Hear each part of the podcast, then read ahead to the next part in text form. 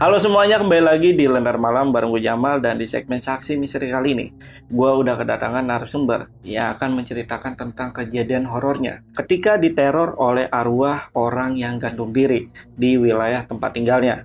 Nah, kita sapa dulu aja narasumbernya di sini udah ada Kang Andi. Kang Andi apa kabar Kang? Alhamdulillah baik. Oke. Kang Andi ini awal cerita dari si orang yang bunuh diri ini kayak gimana nih? Jadi saya gak tahu apa-apa sih awalnya karena nggak kenal pertama terus dia memperkenalkan diri sendiri gitu kan ke saya sama teman-teman gitu kan ya umurnya sekitar 40 tahunan Dan dia bisa dibilang orang asing atau orang yang nggak dikenal. ya? orang yang nggak dikenal itu orang eh, tapi ngakunya dia orang Banjar sih Ngakunya orang. iya Banjar. orang Banjar Dan dia bunuh diri di wilayah tempat Iya. tinggal Andi. Tepatnya di Pangandaran ya. iya di Pangandaran Oke. Dan ini kejadian tahun berapa? Tahun 2015 2015. Iya. Nah, setelah ada orang yang gantung diri di wilayah tempat tinggal Kang Andi ini, itu banyak teror yang terjadi. iya banyak teror khususnya ke saya ke teman-teman ya sama ke tamu-tamu yang datang paling untuk terornya itu selain ke saya ya ke teman-teman juga terus ke tamu yang datang gitu kan sama ditampakin orang yang gantung diri Benar-benar ngeliat utuh. iya utuh Yang penasaran simak sampai habis. Tapi sebelum itu gue mau kasih tahu ke kalian kalau kalian mau jadi narasumber di Lendar Malam, kalian cukup DM aja ke Instagramnya Lendar Malam. Itu ada di @lendarmalam.id. Dan jangan lupa juga nih buat teman-teman mampir ke channel kedua dari Lendar Malam yaitu Telusur. Di mana di sana kita membahas kisah mistis sebuah tempat, profesi ataupun peristiwa horor langsung ke lokasi kejadian. Jadi jangan lupa mampir ke channel Telusur. Untuk linknya gue taruh di deskripsi. Yaudah buat kalian yang penasaran sama cerita lengkap dari Kang Andi, tonton videonya sampai habis dan tanpa basa-basi lagi. Saksi misteri, kita mulai.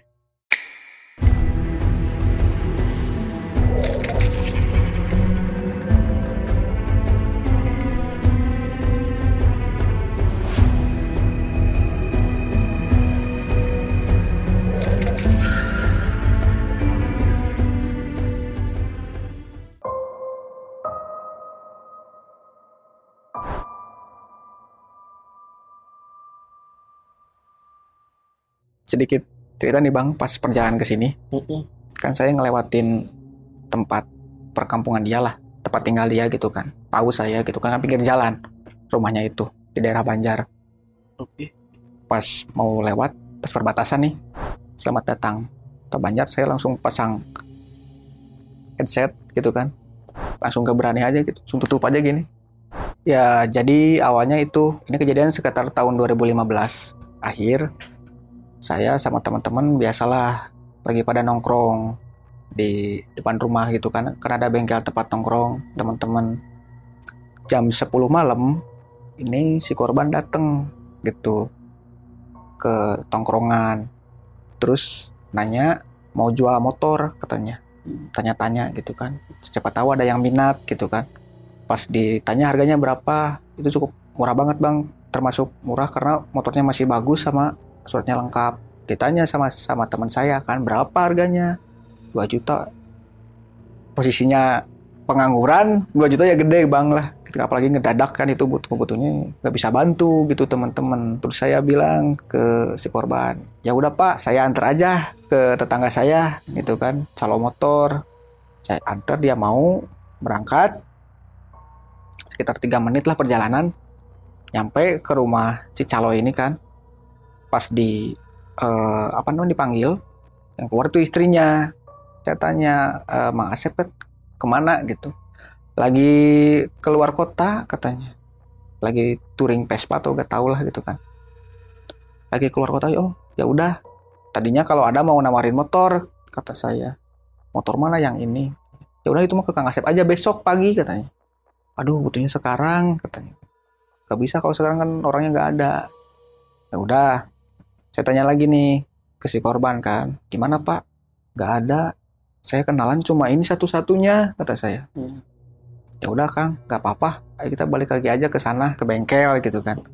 Ya udah dia pas pertama naik juga emang nggak kerasa ngebonceng orang itu saya. Kayak sendiri aja naik motor gitu. Hmm. dan saya lihat spion juga dia udah menengadah ke atas gitu kan. Ke atas kiri kanan gitu. Terus si tangannya pegang pundak saya tapi saya nggak kerasa dipegang. Tapi tangannya ada. Nggak berat nggak nggak kerasa apa apa tapi saya nggak peduli kan itu eh, apa namanya mungkin karena udah malam juga gitu kan. Sugesti udah mulai kacau gitu. Ya udah saya balik lagi ke bengkel. Saya bilang nih nawarin ke si bapak. Pak kan tadi bapak kan dari Banjar nih bilang. Di perjalanan ngobrol kan. Ya udah istirahat aja dulu di sini. Itu ada kasur kan kalau mau tidur ya tidur di sini motor dijagain kok.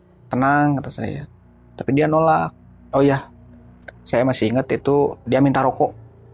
Iya, betul. ya minta rokok. Saya kasih satu batang. Dan ya kalau dilihat-lihat sih stylenya kalau kayak kayak bapak-bapak biasa gitu. Yang mau bepergian jauh. Dia pakai jaket lepis pakai kaos merah sama celana jeans lah nyentrik gitu. Nah udah ditawarin dia gak mau terus katanya dia bilang ada saudara di sekitar sini mau coba nawarin ke saudaranya gitu. Ya udah pak. Kalau gitu hati-hati kata saya. Kalau misalkan di tengah perjalanan pengen ke sini ke sini aja. Ya ucapin terima kasih salam salaman berangkat gitu kan. Udah berangkat sekitar 10 menitan itu eh, si Iki beli rokok nih ke warung langganan. Set ada nih si korban itu kan di warung. Terus Iki lihat si bapak-bapak ini tuh beli obat banyak banget. Satu kresek lah. Satu kresek itu obat-obatan warung semua. Terus ditanyakan sama Iki buat apa? Ini mah enggak ini mah buat jaga-jaga katanya. Saya punya penyakit katanya. Oh ya udah. Iki dingin aja gitu lewat biasa aja gitu kan. Terus balik lagi ke tongkrongan. Tongkrongan dia ngobrol. Itu tadi ada si bapak yang tadi ketemu di warung beli obat warung banyak banget terus nyeletuk deh si Iki itu kayaknya sih mau bunuh diri ya Chen gitu bercanda Canda ya. Iya. Terus saya "Udah, jangan ngobrol kayak gitu gitu kan. Tapi itu dari sana tuh feeling udah emang udah gak enak bang. Udah campur aduk lah. Dan ikut nongkrong. Sampai jam 2 itu nongkrong. Terus pulang. Karena insom ya saya main YouTube. Main game gitu kan. Jam 4an lah. Jam 4 pagi itu. Ada notif dari grup di WA. Katanya ada orang meninggal bunuh diri. Ngegantung. Saya penasaran nih. Siapa gak tahu belum ada yang berani ngedeketin katanya. Kayaknya sih bukan orang sini kata teman saya gitu yang di grup gitu yang jualan kopi di sana. Ya udah saya WA aja Iki telepon. Kebenaran dia belum tidur. Baca notif gak di WA? Baca penasaran? Sana yuk, ayo. Di mana tuh? Di salah satu objek wisata lah pantai selatan. Dia berangkat nih sama saya gitu kan. Disamper di TKP standarin motor pas lihat ke kiri eh ada motor korban. Bapak-bapak yang tadi malam datang. Masih inget kan Andi? masih ingat. Oke. waduh saya langsung ngedown di sana gitu kan. Tapi berpikir positif lah gitu kan. Mudah-mudahan aja bukan si bapak-bapak yang malam. Hmm. Ki, itu kan gelap. Pinjam senter ke saudara kamu, gitu kan. Pinjam senter. Udah, karena senternya susah dinyalain, harus digini-gini dulu. Pas begini, kebenaran si, si sinarnya itu nerangin ke si korban. Ke tubuh korban, percis gitu. Pas jret, langsung astagfirullahaladzim. Beberapa detik lah saya itu kesimak lah gitu. Kayak terkejut banget gitu kan si Iki sama juga kayak gitu Astagfirullahaladzim. Terus bilang ini ini bapak-bapak yang semalam. Lihat deket semakin deket. Emang gak berani ya bang ya karena belum ada polisi gitu kan. Masih ngegantung.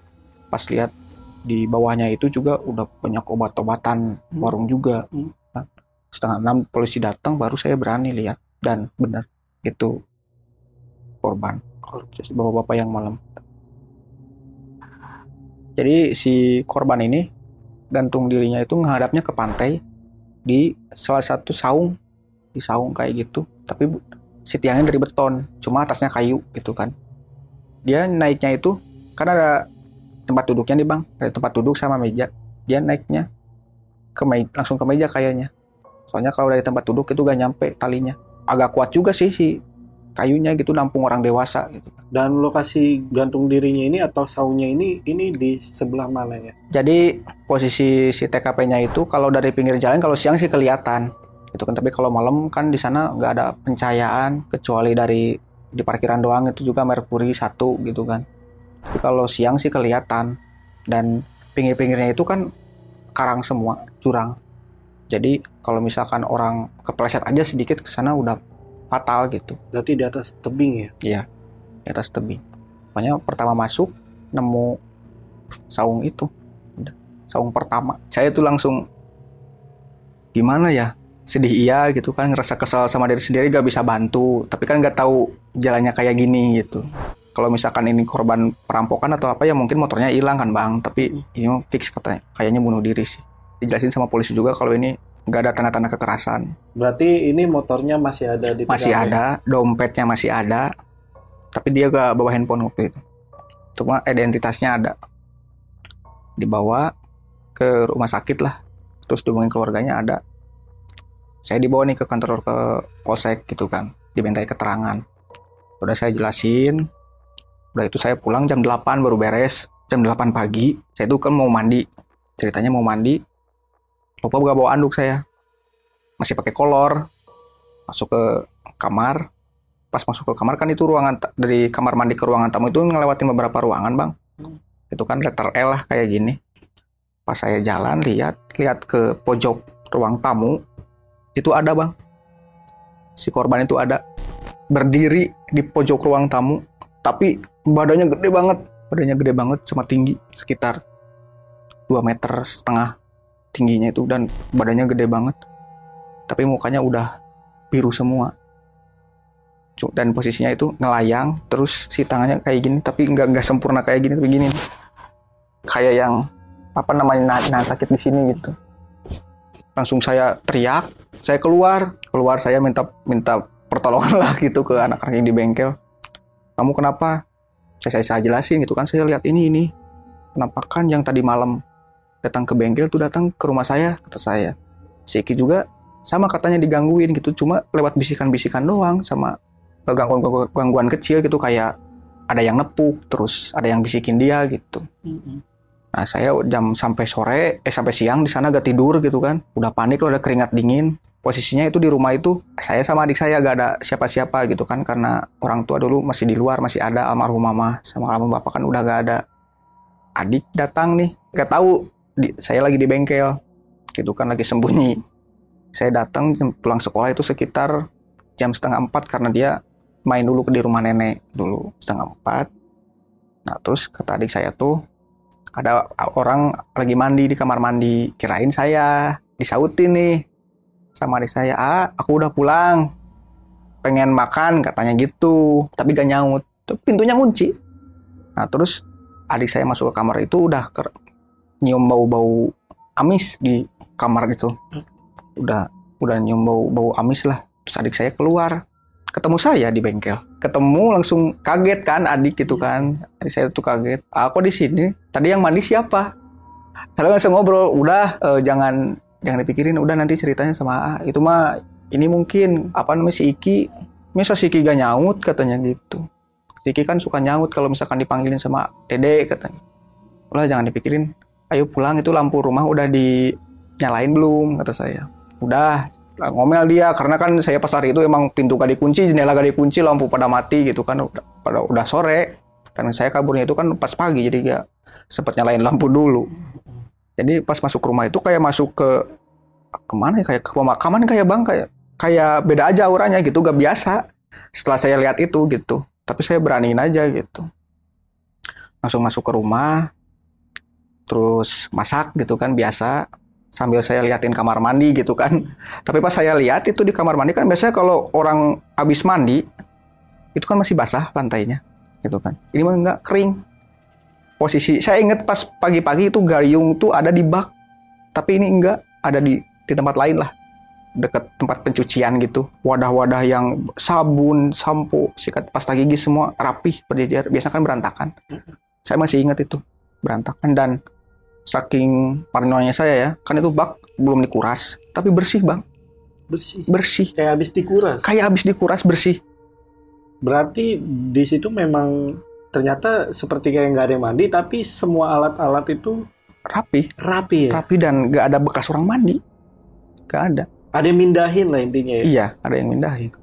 Udah gitu saya makan sama adik saya gitu kan karena saya takut. Saya WA ke Iki sama ada teman satu lagi Septian namanya. Saya WA sini nginep kata saya gitu kan. Kata Iki siap katanya. Kalau sama Septian dia ke ceweknya dulu main gitu kan. Ya siap paling nanti agak malaman jam 10 jam 11 malam saya ke sana katanya. Udah malam itu sekitar jam 8 datang Iki nih ke rumah kan. terus nanya tumben ngajak nginep kata Iki saya, saya jawab diam kamu kamu juga nggak ngerasain gitu kan pernah diteror sama itu. Ya udah kita bareng-bareng aja di terornya gitu kata saya. Sambil bercanda itu. Pergilah saya tuh eh, nyuruh adik beli kopi beli makan sembilan buat gadang gitu kan. Sambil nungguin Septian juga tuh. Udah gadang terus saya ngantuk kan belum tidur tadi saya siang Hmm. gitu.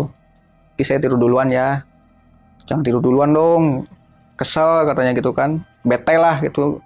Ya udah kamu nonton TV kan ini kamar saya bang ini ruang tamu ya. Terus ini ruang TV di sini. Ini dua kamar nonton TV saya ketiduran. Terus jam setengah sepuluh itu kan saya sama adik saya beda kamarnya. Hmm. adik saya mah udah tidur gitu udah udah ke mana lah gitu gak, udah gak sadar. Jam setengah sepuluh saya kebangun. Pas lihat ruang TV TV mah nyala si Ikinya nggak ada. Si Ikinya nggak ada. Heeh. saya telepon lah Ki kenapa kamu pulang? Tuh kan gak bilang-bilang. Mana pintu ini kebuka lagi TV nyala gitu kan. Kata Iki besok aja ceritanya gitu. Gak berselang lama itu Septian datang Septian yang tadi teman saya yang ke cewek dulu gitu kan. Datang kan dia orangnya agak sedikit pecicilan ya jadi sompral gitu kan. Katanya ada hantu nih gitu. Pas pertama datang nih masih inget. Kata saya gitu. Jangan ngomong kayak gitu harus ngehargain lah. Minimal ya udah. Sambil cerita-cerita masuk ke kamar si Iki ke mana? Nanya ini si Iki nih Septian tuh tanya ada si Iki kan kok kok nggak ada? Nggak ada pulang duluan ada urusan. Saya gak, gak bilang yang macem-macem gitu kan. Padahal udah feeling sih pasti digangguin sama korban gitu. Ya udah jam setengah dua itu kita masih gadang masih nonton film lah di HP masing-masing gitu kan. Tapi pas jam 2 saya lihat Septian udah tidur udah tidur tuh. Ya udahlah saya tutup pintu lihat adik saya dulu gitu kan.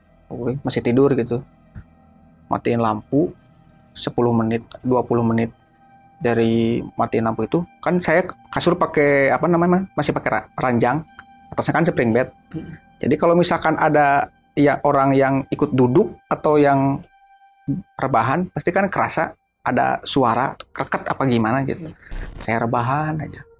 Septian udah tidur nih posisinya. Ada satu space lagi buat satu orang deket tembok gitu. Pas saya tidur menuju alam bawah sadar lah gitu kan menuju alam mimpi langsung ngedenger kayak orang yang gedebruk gitu deket deket saya ini. Samping. iya sampai mental ini apa sih namanya badan saya gitu. Kan bed kan mantul kan bang? Dep. saya bangun gitu kan tengok ke kanan kiri ada siapa siapa gitu apa Septian Septian nggak gerak masih posisi tidur yang awal. Gitu. Nah terus sebelumnya saya baca baca lah gitu biasa berdoa. Terus nyalain lampu saya gak berani di matiin gitu kan. Mati dinyalain udah nyalain lampu tidur lagi. Jam setengah empat. Makin aneh ini gangguannya. HP saya kan dicas di atas lemari lemari kaca dicas gitu si lemari si lemari itu apa nih kayak digoyang-goyang gitu bang. Sampai saya pas buka mata juga masih goyang-goyang. Saya bangun Septian Sep, Sep, Sep, bangun bangun bangun bangun kalau gempa ya semuanya kan goyang bang. Ini mah enggak lemari doang. Di ini sampai jatuh HP saya itu. Sampai sampai jatuh. Langsung Septian itu langsung Astagfirullahaladzim, astagfirullahaladzim. Keluar keluar keluar ayo. Tapi saya nggak mau saya diam aja di sini udah diam. Kalau keluar bisa semakin menjadi jadi gitu kan. Saya buka kamar buka pintu lihat ke kamar adik saya gitu kan. Itu posisi kejadian jam jam 4 pagi. Adik saya dibangunin sama saya yuk kita bonya tidurnya bareng-bareng tapi gak tahu kenapa itu adik saya tiba-tiba kayak yang takut gitu. Wah wah gitu kan. Ini istighfar istighfar kata saya kan. Dede istighfar deh makin makin kenceng itu teriaknya sambil ngeliat ke pojok kamar gitu kan. Hmm. wah wah gitu. Terus saya eh, istighfar ya AA ini AA gitu kan. Ayo kenapa deh? Sok istighfar istighfar kata saya. Dia baca dia baca doa astagfirullahaladzim astagfirullahaladzim. Udah agak, agak tenang nih. Terus dia gak mau lihat ke sana gak mau lihat ke pojok saya pengen pindah dari sini kata adik saya. Ah kita pindah aja dari sini. Ya sebagai kakak lah kak, saya kan peduli sama adik saya. Udah besok pagi kamu ke rumah nenek aja. Sekolah dari sana berangkat. Kan ada motor gitu. Bang sekarang gak, gak mau gak mau di sini lagi gitu. Ya udah semenjak saat itu saya pindah nih ke adik sama adik saya gitu kan. Tidur di kamar saya gitu. Ya udah sok sini. Peluk aja gitu kan. Peluk udah tidur normal lagi saya saking genes sama kesel sama takut juga sih bang. Jadi kayak mau nantang tapi gak berani gitu Iya, saya kan. iya, iya. adik saya yang diganggu nih gitu kan. Nggak tahu apa-apa gitu masih diganggu gitu. Nah terus saya ngobrol nih dalam hati gitu kan kamu maunya apa? Sok kalau misalkan kamu iya mau minta tolong langsung ngobrol. Lewat mimpi atau lewat apalah gitu. Langsung misalnya langsung saya langsung tidur tuh jam setengah lima tidur pagi bangun jam setengah delapan sama Septian itu ya. Septian mah pas begitu bangun langsung gak cuci muka dulu langsung berangkat dia. Masih ketakutan gak sih? masih ketakutan sampai dia eh, demam itu berapa hari gitu. Sampai demam. sampai demam itu. iya. Hmm. sampai panas gitu. Adik saya kan ke rumah nenek saya gitu kan. Terus saya kan masih penasaran. Saya tanya Iki saya ke rumahnya nih main. Kenapa semalam bisa pulang nggak bilang-bilang gitu kan? TV nyala pintu masih terbuka gimana sih kamu? kata saya sudah jelasin. Pas nonton TV kan ini ruang TV bang. Ini TV ya. Ini Iki di sini. Di sini tuh ada pintu ke ruang makan. Di sini. Pas Iki lagi enak enak enak nonton TV nih Iki ngelihat ke kiri dia ngegantung di plafon. Di atas meja makan. Arwah si korban. korban. Kalau istilahnya Iki kayak kesambet lah. Pas Iki lihat si korban selama 30 detik lah kurang lebih itu Iki gak bisa gerak kalau cuma kedip doang kayak kesima gitu Jadi posisi arwah si korban ini ngegantung di atas meja di makan. atas meja makan. Ya, Iki cerita lagi. Selain gangguan itu, pas dia udah bisa gerak, dia kan lari. Pas mau tarik motor dari belak dari depan ke belakang, lihat ke belakang juga masih ada si korban bantuin. Hah? Bantuin dorong motor ke belakang. Arwah korbannya. Iya. Aduh. Jadi di mana-mana ngejailin dan ngebantuin. Jadi gimana ya? Serem banget ini. ngebantuin ya ya mungkin yang di kamar mandi itulah yang rapi-rapi gitu Iya iya. yang ini jahilnya gitu ya, pas Iki dorong motor kan motornya itu motor gede ya Hmm. berat gitu. terus dua orang gitu yang dorong dorong parkir ke belakang lihat ke belakang lagi dorong langsung dia tancap gas gak mikir apa-apa Itu alasannya Iki pulang Iya. gak pamit ya. Iya. Ya dan setelah kejadian itu Iki malah sakitnya lebih parah dari Septian sampai muntah-muntah katanya. Muntah terus halusinasi gitu. Setelah itu. Iya. Kalau dari kesaksian Ade dari Kang Andi gimana tuh? Kalau itu didatengin katanya. Pertama di mimpi kata adik saya. Waktu kejadian di kamar itu ya? Iya, di Oke. mimpi. Terus kan saya datang buat bangunin, dia buka mata, lihat di, di pojokan kamar, sama posisinya ngegantung. Dan saya tanya, perawakannya kayak gimana gitu. Dia jawabnya gede. Pakai jaket lepis, pakai celana jeans, pakai baju warna merah. Saya kan langsung ingat si korban gitu kan. Kata saya, Sama ya. sama. Sama percis dan itu pasti gak akan meleset gitu pasti si korban itu. Ya setelah itu kan nggak tahan nih kang. Bang maksud saya. Iya. nggak tahan nih. Saya Iki Septian udah sembuh tuh kan. Ya udah kita tanya aja ke waktu itu ada dulu almarhum pun namanya Ki Sadili. Aki Sadili ya tapi Aki udah Sadili. ya tapi udah meninggal gitu. Saya minta bantuan tuh ke sana kan kuncen di tempat itu orang yang dipercaya. Saya tanya Ki saya gak kuat nih. Sama teman-teman saya digangguin terus gitu kan. Dia tahu langsung sama yang kemarin bunuh diri ya? Iya kata saya. Udah sini sini ikut. Ikut? ke TKP saya suruh duduk tapi duduknya itu aneh bang. Saya sila ya. Terus Iki jongkok Septian berdiri Beda-beda dulu. beda-beda Oke. dan bentuk segitiga gitu Ini TKP-nya TKP mana nih? di objek wisata pantai selatan sih Tempat korban bunuh diri. iya di Saung Jam berapa? itu sekitar jam 4 sore Jam sampai 4 sore masih siang lah saya kalau malam nggak berani Iya, iya itu dia tuh, itu. si Kisadeli ini komunikasi lah komunikasi sama penunggu di sana gitu kan. Dia bilang saya yang saya kedengar sih dia teriaknya lamun mana yang balik sok balik. Lamun mana yang cicing di dia sok cicing. Kalau di arti Indonesia mah kalau kamu mau pergi ya sok pergi. Kalau kamu mau diam di sini ya udah diam jangan jailin orang. Terus kisah Dewi bilang ke saya nih bawa air se sebotol siram di rumah kamu katanya. Dia betah di rumah kamu. Betah. betah karena ya kalau diceritain mah bang rumah tuh deket sama makam lah. Makam bekas PKI dulu. Ya agak tahu chemistry-nya bagus sekali gitu kan. Jadi mereka iya jadi Iya, iya. enak lah gitu kan. Kata orang sana juga rumah saya itu lalawaten jadi lalawaten tuh jalannya makhluk-makhluk yang kayak gitu. Kayak tempat penyeberangan. Jadi betah dia di sana. Nah udah kejadian itu kita ke rumah saya taburin air di pekarangan lah gitu. Sambil baca-baca juga gitu kan. Terus kita nongkrong lagi biasa di bengkel. Ada teman saya namanya Sandi lagi nih. Ini yang yang paling aneh nih. Sandi kan nggak tahu. Maksudnya nggak tahu rupa si orang si korban ini. Jam 2 malam dia habis nganter bapaknya mancing di TKP bekas TKP nah terus dia pulang kan lewat rumah saya nih bang. Kan rumahnya tetanggaan lah gitu kan ada bapak-bapak disamperin sama Sandi. Kan itu dulu rawan eh, pencurian gitu kan. Jadi Sa- Sandi nanya lah. Takutnya pencuri gitu kan. Terus ditanya sama Sandi bapak mau ke mana? Dari mana? Saya mau pulang. Saya dari Banjar katanya. Kata si itu si bapak-bapak yang ditemuin Sandi. Gak agak lama kemudian Sandi nge-WA ke saya ada bapak-bapak nih butuh tumpangan. Diajak aja ke rumah kamu nongkrong kata Sandi. Saya gak feeling itu karena saya kan udah apa namanya udah ngelakuin persyaratan yang tadi kan. Jadi ah gak ada yang ganggu bang. Seharian beberapa hari itu gak ada yang ganggu kan. Ya udah sok sini kata saya. Ada Sandi ke sana. Ayo pak kata Sandi. Kirain tuh ngikutin. Nah pas pertengahan jalan eh pas du- eh, 20 meter ke rumah saya bapak-bapaknya bilang dia nepuk ke Sandi.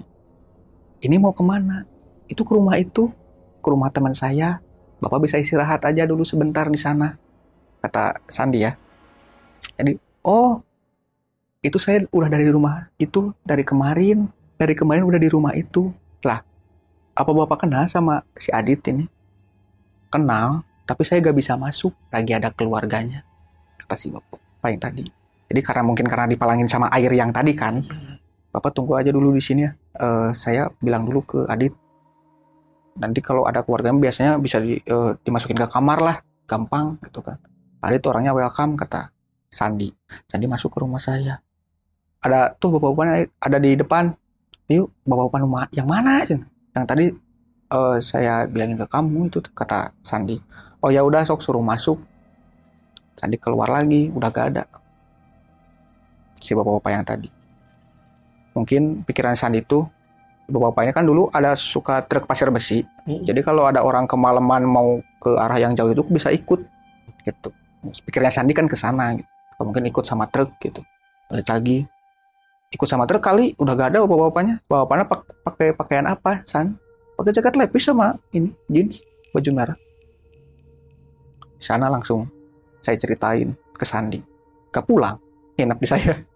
Nggak jadi pulang. nggak jadi pulang Ya. takut iya Aduh Sandi. sakitnya sama sakit Abisnya itu sakit, sakit lagi. Sakit juga gitu. sakit juga tiga hari Aduh, si Sandi Gak tahu, gak tahu. Mau bawa setan ke rumah lu ya. Iya. waduh, waduh, waduh, waduh. ya saya mikirnya mungkin gak, gak mau masuk itu ya karena udah dihalangin gitu jadi Iya, gak iya. berani iya. masuk Tapi alasannya keluarga ya. Iya. Pinter juga tuh setan ini Iya. alasannya. ada keluarga terus Sandi tanya mau ke rumah mana kata si bapak ini Iya, kan iya. saya mau ke rumah ayo kita ke rumah itu Udah kenal lagi sama iya Waduh, udah jadi temen ya kan?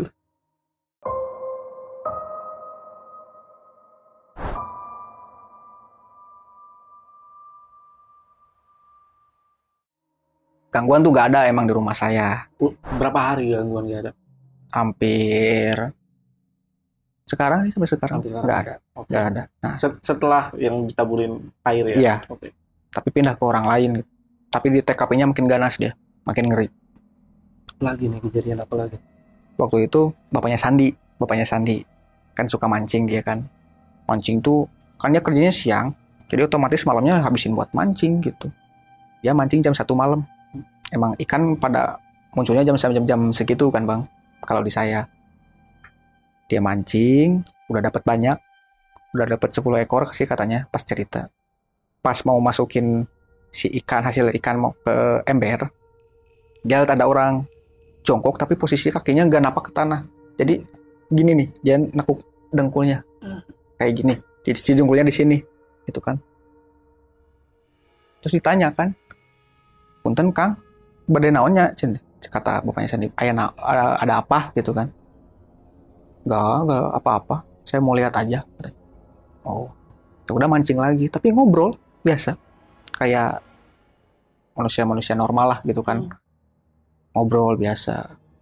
Terus nanya nih bapaknya Sandi tuh ke yang si Maluku Ebi nih gitu kan. Dari mana? Dari Banjar. Tapi bapaknya Sandi tuh gak Jadi mungkin dia lupa kan udah agak tua ya. Nggak tahu si korban yang bunuh diri itu orang sana gitu kan tahu cerita mistisnya juga pas begitu mau ambil joran yang tempat ikan itu udah nggak ada. Beberapa detik dari masih narikin masih ada nih kelihatan gitu kan ujung mata gitu. Pas mau ambil joran udah nggak ada. Dan itu posisinya gelap. Kalau misalkan orang normal ya pasti bawa baterai gitu kan. Ini enggak dia nggak bawa apa-apa. Terus saya tanyakan itu sep- kayak apa setelannya gitu kan. Sama jaket lepis warna coklat baju merah sama celana jeans itu. Gokil. ya setelah itu sih banyak juga sih bang. Terus ibu-ibu dari rombongan TK nih. Nih ada ke sana. Itu waktunya eh, sekitar jam 10 pagi. Ada lomba mewarnai gitu kan di atas bukitnya itu di batu View-nya itu kan banyak kegiatan lah. Nah terus kebenaran tuh si Iki ada bantuin orang tuanya kan jualan di sana gitu kan terus tiba-tiba tuh ada yang teriak ibu-ibu sambil gendong anaknya jadi di TKP itu kan ini TKP bang, sawahnya yang tempat si bunuh diri itu ya. Di sini tuh ada ayunan. Nah si anak yang si ibu ini yang tadi ngejerit itu main ayunan sendiri kan. Ditinggalin lah sama ibunya beli makanan. Pas dia balik lagi itu ayunan kenceng banget ngayunin anaknya itu. Logikanya anak kecil kakinya gak nyampe ke tanah kan gua nggak mungkin terus menerus kayak gini kan? Pasti ada berhentinya. Ini enggak terus terus si anak kecil itu bilang lagi om lagi om lagi om. Sampai gitu. Terus ibu-ibunya udah udah nggak banyak ngomong lagi. Makanannya dibuang anaknya dibawa. Berarti anak kecil itu ngeliat ya? ngeliat.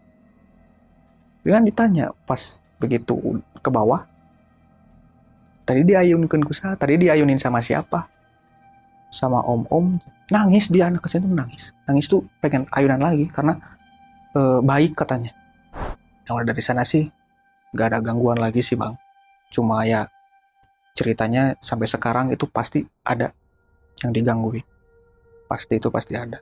Apalagi semenjak eh, kuncennya itu almarhum ya nggak ada itu makin gak keurus. Dan eh, di sana itu gak tahu kenapa ya dari dulu emang jadi tempat favorit buat bunuh diri aja Oh gitu. udah sekitar empat korban satu cewek tiga cowok Selama lu tinggal di sana ya? Iya. Empat korban. Iya. empat korban Satu cewek. belum la- iya belum lagi termasuk yang pembunuhan kayak gitu Hmm. pembunuhan itu satu cewek satu cowok dan itu eh, posisinya masih di lingkungan itu gak tahu kenapa kalau misalkan ada pelangnya dilarang bunuh diri di sini gampang gitu kan. Tapi kan etikanya nggak ada gitu kan. Masa saya nyuruh orang apa namanya buat gak bunuh diri tapi kan itu haknya. Tapi saya cuma ngingetin aja. Jadi makanya kalau ada orang yang ke sana tengah malam sendirian itu pasti dipantau sama anak-anak. Sama teman-teman Kang Andi juga. Iya, ya? dipantau gitu kan. Tapi semenjak saya kerja, teman-teman kerja itu udah nggak keurus, udah makin banyak hal-hal aneh juga, makin kotor dan eh, karena teror yang lebih ganas kan yang si korban ini, Hmm. kita sepakat buat bakar aja si TKP-nya. Eh, namanya nggak akan berakhir kalau misalkan nggak dibakar kata kata orang yang bisa ya. Udah bakar aja. Pertama si saungnya di dibakar yang atas terus yang bawah dibakar yang tapi yang eh, tiang yang satu ini Hmm. kan di beton ya gak usah gak usah di ini udah si saungnya aja yang dibakar bahkan eh, pas saya mau bakar tuh inget si tambang tuh masih ada.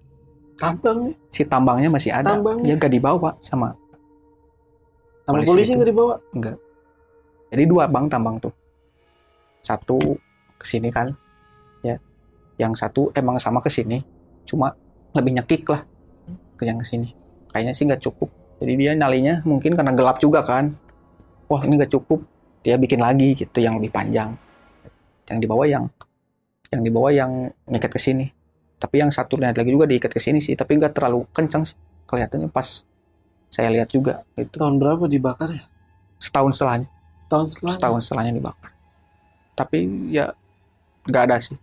Cuma lebih lebih kalem sekarang. Lebih nggak frontal kayak dulu. Banyak itu yang dikerjain. Sampai pernah buat orang celaka pernah ya. Kayak itu posisinya pertigaan bang. Sebelum TKP ini kan pertigaan di sini ini parkiran luas orang udah udah mabuk lah udah giting gitu kan. Pelan. Terus si orang ini ke tengah jalan kayak gini. Tapi badannya gede katanya. Badannya gede ditabrak. Yang mental bukan orangnya. Yang bukan yang ditabraknya nggak mental. Yang ini yang naik motor yang mental. Sampai kayak gitu loh. Sampai si ban motor si peleknya itu sampai apa namanya? Bener-bener penyok. penyok. Ketawa dia. Dan ketawanya itu nyampe kedengeran sekitar 20 meter tuh kedengar Hah? ketawanya. 2 menit 20 meter 30 meter kedengar ketawanya. Karena kalau nunjukin ke orang lain itu badannya gede bang. Kayak pertama saya lihat sekitar 2 meter setengah dan badannya udah benar-benar kayak ngeri lah saya gak bisa jelasin gitu. Udah sih itu aja. Tadi Kang Andi kan sempat bilang kalau di daerah itu entah kenapa masih menjadi misteri ya. Kenapa orang-orang banyak yang bunuh diri di situ udah sampai ada pembunuhan di situ ya. Kang Andi pernah nanya sama orang pintar gak atau sama yang tadi yang nolong Kang Ya. Andi itu kenapa tempat ini? Ya pertama sih emang sejarahnya dulu kan di sana tuh tempatnya dulu masih ada rel kereta api kan dulu bang. Mm-mm. Jadi eh, masih ada kayak dulu masih eh, dijajah sama Belanda nih. Hmm. Masih ada kayak kerja paksa kerja rodi gitu kan. Di sana udah banyak korban kan dulu. Nah terus eh, si korban-korban ini tuh katanya arwah si arwah-arwahnya itu dipindahin ke tempat TKP yang ini gitu kan. Nggak tahu kenapa sama Aki Sadili ini jangan dipindahin ke sini semua ditebar aja gitu kan. Gak semua gak semua korban yang kerja Rodi ini jahat enggak ya udah pindahin aja yang baiknya sama yang jahatnya gitu kan. Dan dipindahin nah terus kemudian kata Aki Sadili beberapa tahun ke depan ini bakal ada bakal banyak kejadian aneh karena penampungan makhluk ini di sini. Udah diramalin nih. Udah diramalin sama si Aki. Sama Ki Iya. Sadili. bahkan rata-rata sih orang deket. Yang orang jauh tuh cuma yang si korban. Di Perban. korban sama yang cewek itu yang yang di apa namanya didorong sama ketau makhluk gaib atau sama pacarnya gitu kan didorong sampai ke bawah ketemu besoknya. Biasanya kan tiga hari empat hari sampai seminggu. Kalau korban meninggal di laut tapi ini cuma sehari. Di tempat bapaknya itu mancing tuh. Iya. Iya. di sana. Persis di sana. Jadi semenjak itu ya saya nanya lagi gitu kan.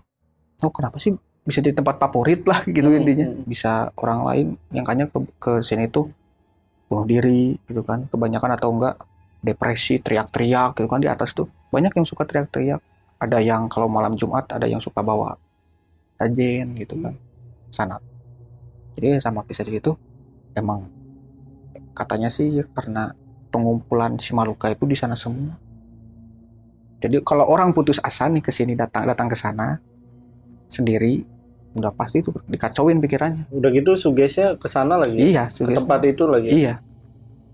Yang saya jadi pesimis itu kok ya yang orang Banjar juga kan jauh-jauh ke sana. Iya. Bisa bunuh diri kan kalau misalkan pakai logika ya di rumah juga kan bisa gitu atau di daerahnya. Tapi pernah nyari tahu gak Kang Andis eh, tentang profil dari si korban ini? Kalau itu sih saya ketemu keluarganya, tapi mohon maaf nih ya, eh, maksudnya saya samarin lah namanya gitu kan. Namanya itu kalau saya samarin aja lah. Iya. Bu Sari sama Pak Erwin lah, gitu kan. Nah, si Bu Sari ini eh, kakaknya si korban. Iya.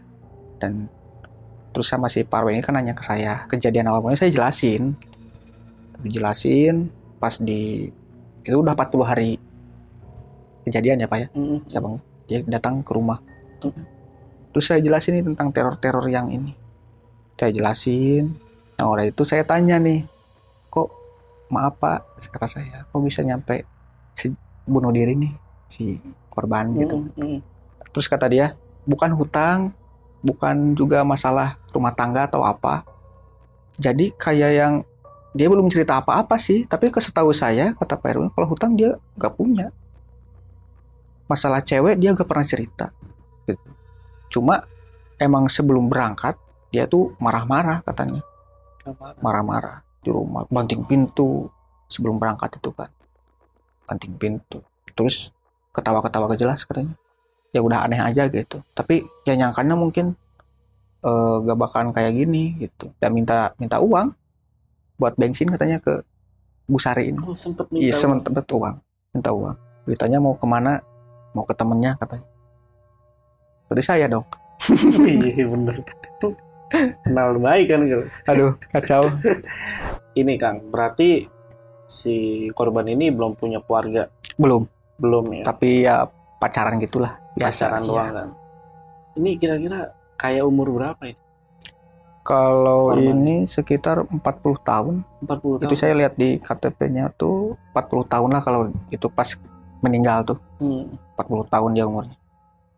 Karena beda beda 6 tahun kan sama kakaknya itu sama Bu Sari. Bu Sari itu pas 2012 katanya 46. Oke oke. Ini keluarganya datang ke Pangandaran atau Kang Andi datang ke Banjar Kalau dia datang ke Pangandaran setelah 40 hari. setelah 40 Iya, hari. Dia nyari tahu lah ya keluarganya. Iya.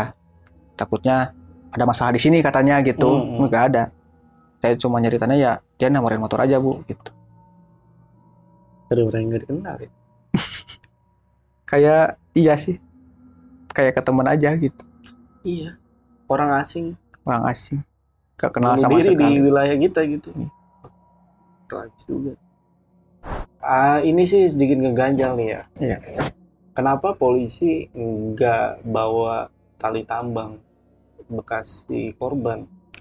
katanya sih satu aja sih cukup katanya Gitu satu aja. aja cukup ya Satu- soalnya kata polisi sih ini kemungkinan korban bunuh diri itu setelah meminum Ah, obat minum obat tuh banyak banget kan kayak overdosis mungkin seloyongan ambil tali karena simpul yang per tali pertama itu yang nggak masuk ke ini itu yang masuk tapi nggak ngikat ke lehernya itu nggak kenceng tak kalau yang kedua yang ini baru itu langsung jadi makanya yang dibawa cuma yang itu aja Jadi ini yang obat-obat yang jatuh di bawah itu udah diambil semua ya? udah diambil semua Itu aja yang dibawa sama polisi. iya Barang buktinya. Hmm. Dan itu juga pas saya nemuin obat-obatnya itu kan si air liurnya kan udah keluar semua ya bang ya? Ah. air liurnya udah keluar semua tapi pas saya pegang kirain air kirain air biasa air hujan atau apa air air mineral biasa gitu pas Iya iya. kok lembek gitu kan. Gini-gini. Wah pas pakai flash HP gitu kan. Air liur. Warna i eh, ada warna hijaunya sedikit gitu. Kayak ingus gitu tapi itu banyak banget di bawah Ini pas lu ke sana kan? Iya. Ke TKP kan? ya baru saya berani gitu berani lihat mukanya gitu kan pas ada polisi Oh, pas ada polisi. Hmm. Oh, lu sempet megang? megang si itu apa namanya Iya, air liur ya, obatnya. iya Sempet megang? iya karena saya pengen tahu obat apa aja nih gitu kan saya pengen tahu gitu Waduh, gila. Saya pegang Iki juga pegang Iki pegang juga Ah. lu, lu digini-gini sama saya nih karena ya bukannya ini ya bangnya jijik ya gitu kan takut ada virus atau apa. Tapi saya penasaran nggak agak bisa dilawan. Pegang udah. Aja banyak sih. Lima jenis itu ada obat mah. Sakit kepala segala. Tapi menurut ini menurut gua ya, ya itu mungkin karena lu megang sorry air liur si korban, makanya lu didatengin sih, diteror. Iya sih kayaknya. Kayaknya ya. iya. Cuma eh, Tapi kalau menurut lu kenapa nih? Lu sampai diteror seperti itu gitu? ya gak tahu sih bang jadi eh, pas pertama ngebonceng juga sih kan pertama kan saya gak ngerasain ngebonceng orang kan kalau misalkan naik motor pertama nih terus penumpang naik lagi kan kerasa motor ini mah enggak kayak sendiri aja naik motor bahkan tangannya kan ke sini juga gak kerasa pegang pundak juga Tapi padahal itu kan sebelum kejadian bunuh diri kan. iya tapi Tapi udah kerasa seperti udah itu. kerasa seperti itu dan Udah aneh lah ya. hmm, dia itu pegang hidung terus saya masih ingat itu pegang hidung gini-gini nih terus lihat ke kanan ke kiri tapi ke atas saya yang lihat kan ada spionnya tuh motor dia tuh, dua tapi guys saya gak, gak curiga Oke, mungkin untuk eh, cerita di video kali ini sampai situ aja Kang ya. Iya. Oke Kang Andi, sekali lagi thank you nih udah Ya, jauh-jauh siap, dari sama-sama. Ya. Dan semoga nanti pulang selamat ya iya dan amin ada gangguan dari ya. ya buat titip salam nggak Boleh, boleh, boleh. Oh. Salam sama eh, MM Family Pangandaran Aryan Temela Obe Aceng Mama Avian. Ryuga Tela Arif Bangkling Angga Simin Isep eh, Abeni Asule Ool Bocil Yang Mon teman-teman saya yang di Pangandaran. Pangandaran yang di Parigi Arya Dini Bibi Ica Adel Marsupilami Mm, mm, mm. Ang Igo Adit Denis Ani semua Oke, berarti itu teman-teman- Malam semua itu Itu iya pada nonton. ya Alhamdulillah ya Allah, ada yang nonton Lentera Malam. Saya kira tidak ada yang menonton. ada dong Salam juga ya, salam Ya, balik dari kita siap. ya, dari tim Lentera Malam juga ya, Ya. ya teman-teman Pangandaran ya, ya dan yang buat yang tinggal di Pangandaran juga kita salam balik lah. Jangan lupa mampir ke toko MM Toko MM. iya Itu di mana itu? di Pangandaran Pangandaran Parapat juga. ya Oke, dan eh, ada Instagram nggak? Instagram ada Ada ya? Ya. Nah, jadi buat teman-teman yang penasaran sama cerita yang tadi dibawain sama Kang Andi dan pengen tanya-tanya lebih jelas lagi, kalian langsung aja DM ke Instagramnya eh, Kang Andi itu ada di mana? at Andi Tia Andi Andi Tia A nya 7 Oke, dan tadi juga termasuk tokonya itu nanti juga bakalan dikasih tahu sama Kang Andi di Instagram ya. Ya. Oke, yaudah Kang Andi sekali lagi terima ya kasih sama-sama bang udah datang di Lentar Malam. Eh, gua Jamal dari Lentar Malam dan Kang Andi dari Pangandaran. Izin pamit. Bye.